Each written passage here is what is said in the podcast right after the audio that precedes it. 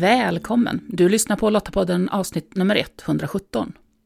I den här podden samtalar vi om olika ämnen som rör fred, demokrati och mänskliga rättigheter. Och tillsammans med mig, Maria Öst, så möter du personer som på olika sätt bidrar till ett säkrare och tryggare samhälle. Lottapodden den är producerad av Svenska Lottakåren och vi är en frivillig försvarsorganisation som engagerar och utbildar kvinnor som vill göra skillnad för att stärka samhällets krisberedskap och totalförsvaret. 18 mars i år så fattade regeringen beslut om att inrätta en ny myndighet, Myndigheten för psykologiskt försvar. Och den här myndigheten ska bland annat bidra direkt till att stärka befolkningens motståndskraft när det gäller det psykologiska försvaret. Och det handlar ytterst om att värna det öppna samhället, den fria åsiktsbildningen samt Sveriges frihet och oberoende. Vi behöver helt enkelt stärka den samlade förmågan att identifiera och möta otillbörlig informationspåverkan och annan spridning av vilseledande information riktad mot Sverige.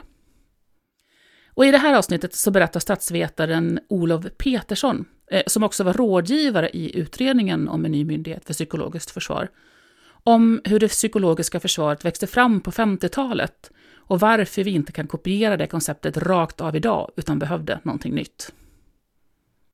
Olof, välkommen till Lottapodden. Tack ska du ha. Kan inte du börja med bara kort lite berätta, vem är du? Jag heter alltså Olof Pettersson och jag är statsvetare och har hållit på rätt många år och forskat om väljare, opinionsbildning, eh, svensk demokrati, grundlagsfrågor. Och jag började läsa statskunskap i Göteborg och stötte på en lite äldre generation, mina lärare. De hade varit engagerade i 50-talets början och mitt och bygga upp forskningen kring det psykologiska försvaret. Mm. Och jag kom att bli ansvarig för eh, väljarundersökningen som ju är en stor sak i Göteborg i mitten på 70-talet. Och den märkte jag då, den var, hade tillkommit som ett svar på det psykologiska försvarets behov. Man ville studera propaganda om hur folk påverkades mm. av falska nyheter och ryktesspridning och då vill man både mäta massmedier och göra intervjuer med människor. Så valundersökningarna är egentligen ett instrument för propagandaanalys. Så vi ska lära oss att förstå hur vi påverkas för att man ska kunna sätta in motåtgärder. Och de hette då Jörgen Westerståhl var min lärare och Bo Särlvik. Han var engagerad både för att analysera massmedia, massmedieinnehåll och göra intervjuundersökningar. Han hade varit, kommit till Amerika efter kriget när gränserna öppnades igen och träffat pionjärerna i valforskning. Så det är därför Göteborgs statsvetenskapliga institution är centrum för säga, mer stora databearbetningar, väljare, opinionsbildning. Så ursprunget är det psykologiska försvarets behov. Sen gjorde de också speciella undersökningar för civilförsvaret. Det civila försvaret hette ju civilförsvaret då man skickade ut broschyrer för att, hur människor skulle hantera atombombshotet. Anta att det kommer ett radioaktivt nedfall, vad gör man då? Och man gjorde ett experiment, eh, så man ställde frågorna lite olika. Några hade fått läsa broschyren, andra inte. Och så mätte man kunskaper och inställning till det civila försvaret. Och fann att kunskapsnivån hade ökat. Det var inte bara så att de intresserade läste mer, det är ju lätt att få ett samband med, utan de kunde visa då att jo, faktiskt att det ledde till en kunskapshöjning. Däremot hade inställningen till eh, försvaret och det civila försvaret, det hade inte ändrats så mycket. Men man kunde åstadkomma en allmän höjning av kunskapsläget i befolkningen. Och den publicerades i en internationellt ledande tidskrift, Public Opinion Quarterly. Så Sverige var berömt för att göra eh, riktigt fina vetenskapliga undersökningar av ja, frågor relaterade till psykologiska försvaret. Så jag kom in i, alltså i den här miljön och därav mitt intresse. Sen har jag suttit på krigsarkivet och eh, gått igenom handlingar och, och eh, vad, hur resonemangen gick där när man byggde upp det psykologiska försvaret i början på 50-talet, det som kommer att bli beredskapsnämnden för psykologiskt försvar. Mm. Och det kanske är en övergång till vad som nu är aktuellt. Det är ju på gång nu, regeringen har ju sagt att vi ska få en ny myndighet för psykologiskt försvar. Och jag tänkte tillbaka då, då hade man ju, det var ju väldigt lika situation. Man tyckte då i början på 50-talet att omvärldsläget hade starkt förändrats. Det skulle kunna komma en kris snabbt och lite oförutsägbart. En nyckelfaktor då skulle vara hur reagerar befolkningen? Mm. Man trodde ju då att det skulle bli ett tredje världskrig med atombomber och att det skulle bygga på med en slags skräckscenario att man försvarsviljan faller ihop. Så man ville undersöka försvarsvilja och möjligheten att stå emot sådana här falska budskap att man ska ge upp motstånd och sånt. Och då byggde man upp det med en myndighet och det var ju två stycken. Den stora organisationen var i stort sett hemlig, den hette Statens upplysningscentral. Och den gick ut på att man skulle ha, den skulle träda i kraft i krig och då värvade man i fredstid ungefär 600 pålitliga människor runt om i landet. Det kunde vara ombudsmän, redaktörer, lokala politiker, präster, mest män på den tiden, men också kvinnor. Den skulle vid behov kunna byggas ut och de skulle kunna vara örat ut mot befolkningen men också kunna förklara myndigheternas budskap. Vi hade ju inte medier, det var ju radio och tidningar då egentligen. Mm. Så det här skulle kunna vara ett sätt att stå i kontakt med befolkningen. Och i fredstid så hade man då beredskapsnämnden för psykologiskt försvar vars uppgift var att träna, öva och förbereda krigsorganisationen och ha lite undersökningar på gång i fredstid, men det var en ganska liten organisation. Men jag tror inte att man kan upprepa det då eh, framgångsrika receptet för att vi har ett så annat samhälle idag. Mm. Motståndaren har förändrats. Därför att på den tiden, det var ju då eh, Sovjetunionen och Warszawapakten som var den tänkta fienden. De hade ju nästan inga möjligheter att nå ut direkt till allmänheten. De hade några kommunistiska tidningar som sympatiserade med dem. De hade några radiosändare, långvåg och mellanvåg, några kortvågssändare i Moskva, Berlin, Östberlin och Prag.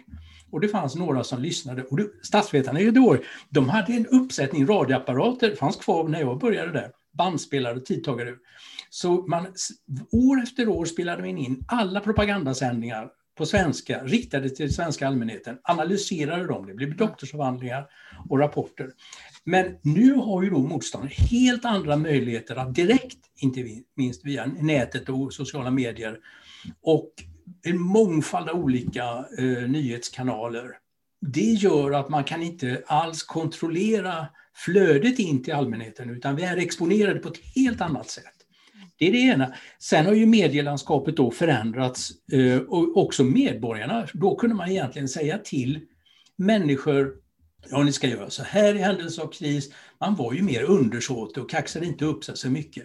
Nu har vi fått en generation, nu har vi kunnat mäta intresse, kunskap, jag ska säga, medborgarförmågan, ta för sig, man vill ha information. Så man kan inte säga till människor, man måste ha med sig, förklara på ett annat sätt. Och på den tiden här myndigheterna, nu har myndigheterna bestämt att det ska göra si och så, det går inte längre. Då bara, men varför ska vi göra det? Vi vill ha skäl och så. Sen har ju staten förändrats. Då hade ju, det fanns det en offentlig makt och det var de statliga myndigheterna och de bestämde. Nu har vi en i och för sig större offentlig sektor än i början på 50-talet. Men du vet, den är ju uppsplittrad i kommuner och regioner som har grund, numera grundlagsfäst självständighet. Vi är med i EU. En stor del av de offentliga uppgifterna, de har vi outsourcats på på producenter och leverantörer. Så att styra den offentliga sektorn om man ska ha koll nu på vad, hur reagerar vi på det psykologiska försvaret så är det väldigt mycket mer komplext uppgift. Och regeringen och riksdagens styrningsförmåga är ju mer begränsad. Mm. Jag vill att ha det så på ett eller annat sätt. Och vi har ju ett system av rättigheter genom Europakonventionen och en ny grundlag som vi har fått i början på 70-talet som ger möjligheter för medborgarna att säga nej och de är skyddade på ett annat sätt. Och sen så är ju kunskaps läget har förändrats. Då fanns det ganska eh, omfattande forskning som räckte för den tidens behov. Men nu när kunskapsbehovet är så mycket större mm. så skulle jag nog säga som är gammal forskare att vi har svårare att hänga med och förstå och hitta begrepp och resultat och teorier. Mm. Och det är ju bakgrunden till att nu staten har bestämt och regering och riksdag har bestämt att det ska bli en ny myndighet för psykologiskt försvar. Och jag har suttit med som rådgivare i den utredning som leddes av Anders Danielsson som kom fram med ett förslag för förra året. Och det, det, har ju varit på remissbehandling och det processas nu så det ska bli någonting. Jag skulle nog vilja varna för att den kommer inte att lösa alla problem. Därför att vem... Och för, om vi börjar så här, varför har vi ett psykologiskt försvar? Försvar av vad? Jo, det är ytterst försvar av vårt demokratiska system. Och du vet att om man läser regeringsformen i grundlagen så börjar den ju med den här all offentlig makt i Sverige utgår från folket. Det är ju folksuveränitetsprincipen. Men sen, vad då? Jo, den svenska folkstyrelsen grundas på allmän och lika rösträtt, jajamän. Men först då det den svenska folkstyrelsen grundas på fri åsiktsbildning och allmän och lika rösträtt. Och svensk säkerhetspolitik sedan ett antal år tillbaks har ju då inte, inte bara militärt försvar och det civila försvaret utan ska ju värna vårt demokratiska system med fri och rättigheter och mm. möjligheten just att bilda sin egen uppfattning. Fri åsiktsbildning är ett kärnvärde. Och det är ju under attack. Det är ju många som vill inskränka vår fria åsiktsbildning genom att styra debatten, falska nyheter, att vi inte kan ha ett upplyst samtal och, och förnuftig diskussion oss medborgare emellan och mellan medborgare och politiker. Så hela tiden försöker man ju störa den här känsliga opinionsbildningsprocessen och kunskapsspridningen. Då är det ju allas ansvar med ett psykologiskt försvar att vi tillsammans, det som enskilda individer, skolor, bibliotek, företag, organisationer, frivilliga försvarsorganisationer, men också staten. Och staten kan göra en del som inte andra kan. Regering och riksdag kan ju styra myndigheterna och se till att den offentliga sektorn står rustad inför det här. För mycket av attackerna riktas ju mot staten och de politiska instanserna. Så det är frågan om ett självförsvar. Men kan också ska säga, sprida kunskap om vad, hur ser hotbilden ut. Inte som man överdriver, vi ska ju inte vara lamslagna, vi har ju ett väldigt starkt demokratiskt system.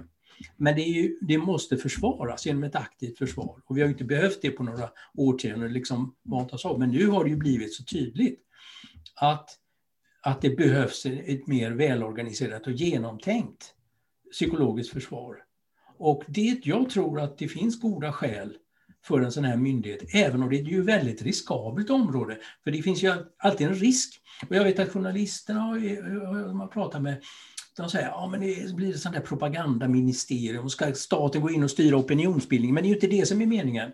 Den ska ju inte ha en aktiv opinionsbildande roll, utan enda argumentet för en sån här myndighet för psykologiskt försvar det är att om man kan visa att försvaret av den fria åsiktsbildningen blir bättre med den myndigheten utan. Och jag är övertygad om att det blir bättre. Mm. Att vi kan stå lite bättre rustade.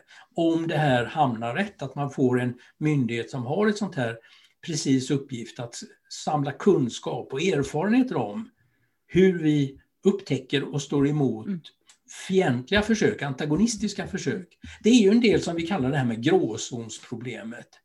Och det verkar som ett lite luddigt begrepp, men jag har skrivit en rapport för Försvarshögskolan om gråzonsbegreppet och tycker att det är väldigt användbart om man definierar det rätt. Det är inte någonting mellan fred och krig, för gråzon finns både i krig och i fred, utan det är antagonistiska försök att påverka oss med icke-militära medel.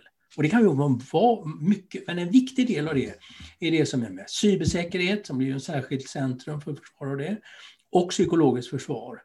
Det kan paradoxalt vara så att hoten mot oss ökar genom gråzon, men krigshotet minskar. Om en motståndare finner att det är lättare att störa och åstadkomma skadeverkningar om man sitter vid en främmande huvudstad och trycker på några knappar än att skicka in massa dyra stridsplan eller eh, kanoner.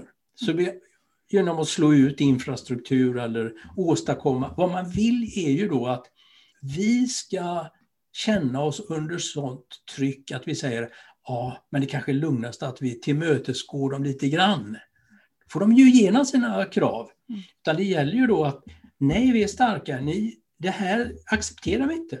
Vi har förhandlingar, överläggningar, vi kan komma överens med saker, men påtryckningar, antagonistiska försök att pressa oss, måste vi stå emot. Och då är det viktigt att man har en sån här lite garden uppe och är misstänksam. Inte allt, för vi måste ju kunna lita på varandra, men just den här, vad är det som är sån här antagonistiska försök att skada oss? Mm. Och vad är det som är legitim opinionsbildning? Det är ju väldigt svårt. Mm. Och då tror jag att man behöver stöd av kloka resonemang, erfarenheter och inte minst ett internationellt utbyte. Det har ju Ja, byggts upp i EU, inom NATO och i våra grannländer. Så en sån här myndighet kan ju vara en slags clearingcentral för kunskap. Ja. Så att vi, ja, nu, nu har det dykt upp något nytt. Eller, nej, nej, det där är inte så viktigt längre. Så att man har hela tiden en sån här praktiskt användbar, aktuell kunskap. Mm.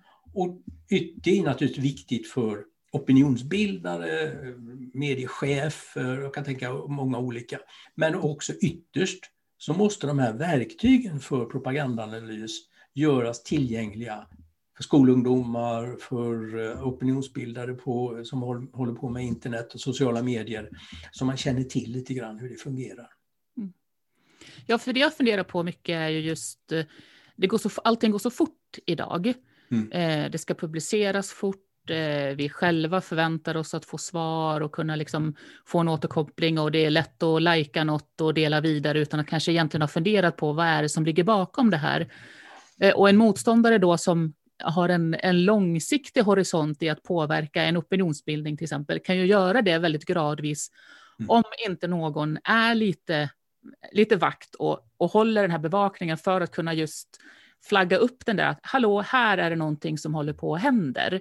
Eh, för jag håller, det är ju som du säger, det här, det här ska ju inte vara eh, något propagandaverktyg, utan det ska ju hjälpa oss att kunna ta eh, välgrundade beslut kring eh, vad det är vi faktiskt ser och hör för någonting och just kunna lyfta upp de här exemplen på här är det någon som försöker göra någonting.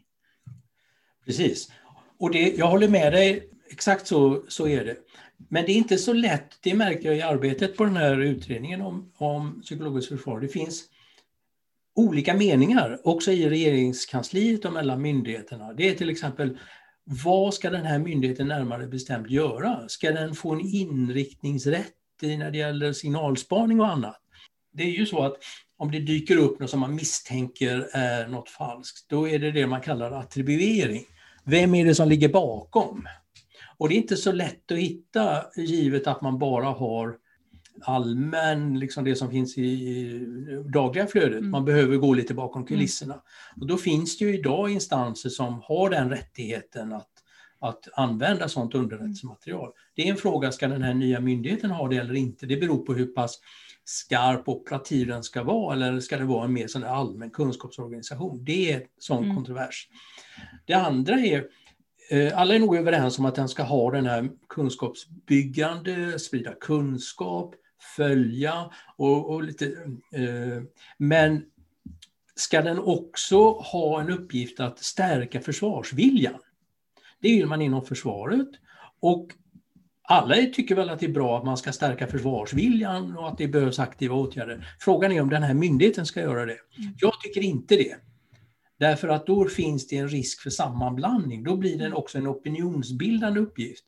Så jag tror att det finns säkert behov av att stärka försvarsviljan och informera om varför vi behöver ett försvar och man behöver rekrytera nu många människor till olika uppgifter i det försvar som håller på att byggas ut. Jag tror att det ska ligga hos Försvarsmakten eller nära där. Och sen så har vi Folk och Försvar och frivilliga organisationer som också hjälper till. Men samordningen ska nog ligga så att det är försvaret själv som informerar om sin verksamhet. Så om man renodlar den här eh, eh, Myndigheten för psykologiskt försvar i samarbete med Centrum för cybersäkerhet att sköta sig så här, den rent försvarsdefensiva uppgiften att upptäcka. Mm. Sen är det en annan fråga det här med, och det står nu i förslaget till instruktion för myndigheten att den ska samordna. Det är lättare sagt än gjort, det vet alla som har varit inne i, i eh, det civila försvaret och försvaret. Och det ser vi ju nu inte minst i coronakrisen, hur svårt det är att samordna. Det är inte bara myndighet, statliga myndigheter, det är regioner, kommuner, det är privata aktörer, civila samhället. Alla har uppgifter och det, är ju i grund och botten att se till att inget ramlar mellan stolarna och att inte alla springer på samma boll utan du gör det, jag gör det och sen så ser vi någon måste se till att det blir en helhetsbild. Jag tror ytterst att samordningsansvaret när det gäller offentliga organisationer ligger ytterst hos regeringen. Mm. Regeringen styr riket. Jag tror att man kan börja ana, även om det är mycket som nu pågår och undersökningar, att regeringen i många områden har släppt lite för mycket av samordningsansvaret till myndigheterna. Man borde åta, om man återtar det om man någonsin har haft det, men nu behövs det ett starkare lednings och styrningsansvar i regeringen och regeringskansliet. Du sa ju det i början att en av de viktigaste delarna av psykologiskt försvar det är ju att vi som, som medborgare ställer upp eh, och försvarar eh, vår demokrati eftersom det är det, det ytterst eh, vi ska försvara. Men vad kan man då som enskild individ göra? Jag tror att en viktig förutsättning är att man skaffar, lite, skaffar grundläggande kunskaper. Alltså grundläggande samhällskunskap, demokratikunskap om vad vi har för spelregler. Det är ju då, vi har en demokrati som bygger på en stor frihet, men den friheten har vissa bestämda gränser. Till exempel yttrandefrihet. Den är ju vidsträckt, men det finns ju vissa saker där det är straffbart att säga.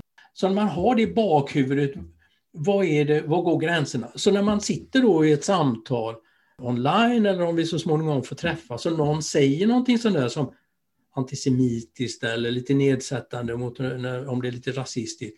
Att man helt enkelt direkt reagerar. Man inte sitter och hummar med och vill inte bryta den goda stämningen. Vad sa du? Du säger inte så. Och det är det här respekt för andra och olikhet. Och jag tror på den här vardagsnivån, mm. att man lär sig lite vad gränserna är. Och helt enkelt civilkurage, som vi lättare sagt än gjort. Och inte det där som fransmännen kallar l'esprit d'escalier, att man kommer få de fyndiga replikerna när man är på, i trappan på väg ut. Då kan man, jag borde nog sagt det, men så man tränar upp det där att när det händer, mm. att man reagerar. Det har också med vår försvar av demokratin, att man får förstå hur sådana här sociala processer fungerar. Mm. Om man tycker att oh, jag kan väl lajka det här eller skicka det vidare, det är ju bara jag. Men man måste förstora upp sitt eget handlande. Mm. Mm. Så var och en har ju ett personligt ansvar. Och det är ju i demokratin att vi äger vårt samhälle. Vi är vana vid att skaffa fin inredning inomhus, men sen när vi går ut, det är lika mycket vårat fast det är ett större kollektiv än bara hushållet. Mm. Så vi har ju fått makt i och med demokratin och rösträtt. Men med makt följer också ansvar och vi är vana att peka på politiker och ämbetsmän att de utkräver ansvar. Men vänta, vänta, allmänhetens stund kommer snart. Det blir fråga om ansvar. Ja, men hur följde du, din, följde du dina medborgerliga plikter? Det är ju inte bara rättigheter utan också skyldigheter. Så jag tror den delen av demokratidiskussionen kommer. Och jag tror att så småningom kommer det bli en sån här, det civila försvaret, eh, hur, vad, vad händer om i krisen eller kriget kommer? Att den riktar sig till den enskilde och till hushållet om man skulle ha lite reservbatterier och vatten och proviant och sådär för, för någon vecka eller två. Nästa måste komma, hur tar vi hand om lite större hus, området, villaområdet, byn, grannskapet? att man måste se till att organisera så man håller koll. Finns det någon som har rullstol där? Hur, hur, vem tar hand om skyddsrum om det skulle hända? Eh, kan vi samordna, eh, här är barn nu och de behöver vatten, är det någon som har vatten? Så att man, det kräver en, en samordning på social nivå. Mm. Och jag tror den här att man börjar tänka i beredskapstermer utan att vara alarmistisk, gör att man kanske, det blir eh, det som norrmännen kallar dugnad, man gör grejer ihop, att det finns en tradition av att man vi är väldigt olika och vi kan bråka och sånt där, men vi har vissa saker gemensamt, och inte minst värnet för närmiljön och i det stora vårt gemensamma ansvar för demokratin. Så jag tror det här hänger ihop och jag tror att de frivilliga försvarsorganisationerna kan spela en viktig roll för det bygger mycket på det här medborgaransvaret och att man ställer upp lite oegennyttigt och för en lite större sak. Så jag tror att det kan man gott eh, romantisera lite kring att det där är en väldigt fin tanke. Ja, men eller hur. Samhället är ju vi alla tillsammans. Så är det. Olof, tack så jättemycket för att eh, du var med oss och berättade om psykologiskt försvar och gav oss en bild av hur eh, vad möjligheterna och riskerna är och inte minst eh, tryckte på vikten av att vi alla har ett ansvar i det här. Tack. Att skydda det öppna och demokratiska samhället, den fria åsikts folkbildningen samt Sveriges frihet och oberoende, det är en del av Sveriges säkerhetspolitik. Och vi kan alla bidra till det genom att öka vår egen kunskap för att ha bättre motståndskraft mot rykten och vilseledning. I grunden handlar det om att försvara vårt demokratiska system, som Olof sa, och eh, den nya myndigheten som ska vara på plats 1 januari 2022 får nu i uppgift att hjälpa oss göra det. Lästips relaterat till det vi samtalat om i det här avsnittet det hittar du på lottapodden.se. Om du, precis som svenska lottakåren, tycker att fred, demokrati och mänskliga rättigheter är värda att försvara och du vill vara med och göra skillnad för vårt samhälles krisberedskap och totalförsvar, ja men i så fall då ska du gå till svenskalottakåren.se. Där hittar du information om hur just du kan göra skillnad. Nästa avsnitt av Lottapodden det kan du lyssna på om två veckor, den 29 april. Och då inleder vi en miniserie i sju delar med titeln Demokratisk beredskap.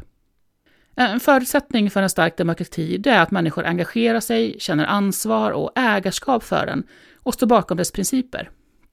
Och med den här miniserien så vill vi hjälpa till att sprida kunskap och hjälpa dig som lyssnar att, ja men precis som du har beredskap för en kris genom att ha en krislåda, också ge dig verktyg för att du ska kunna ha en demokratisk beredskap och därmed en högre motståndskraft mot påverkan som vill utarma vår demokrati. Och I det första avsnitt av de här sju i miniserien så samtalar jag med Edna Eriksson. Eh, hon är demokratiaktivist och har gjort den här serien tillsammans med mig. Och vi pratar om varför det är så viktigt att öka vår gemensamma demokratiska beredskap. Antingen så är man med och, och, deltar i demokratin och då handlar det verkligen inte bara om att rösta, utan hur vill du och jag och alla andra att saker och ting ska fungera? Hur vill vi att det ska se ut? Hur, vilket samhälle vill vi ha och vilket samhälle vill vi lämna till våra barn? Och eh, jag är ju väldigt eh, påverkad av eh, att jag som barn träffade många äldre människor som stridit för demokratin så som den ser ut i den närmaste historien, där kvinnlig rösträtt inte alls var självklart, eh, där barns rättigheter inte är självklara, där, där homosexuella eller funktionsvarierade människors rättigheter inte är självklara, om vi bara tittar på den närmaste historien. Och jag kan också tänka att i det långa perspektivet hur många hundratusentals människor före dig och mig som bidragit till att vi har eh, de eh, rättigheter som vi har på plats idag. Så om inte du redan gör det, så prenumerera gärna på Lottapodden. Då får du ju en påminnelse när nästa avsnitt finns tillgängligt och missar ingenting. Du hittar podden bland annat i Apple Podcast, Podbean eller på Spotify. Och om du gillar Lottapodden, berätta gärna för andra om den. Och tack för att du lyssnar. Hej så länge!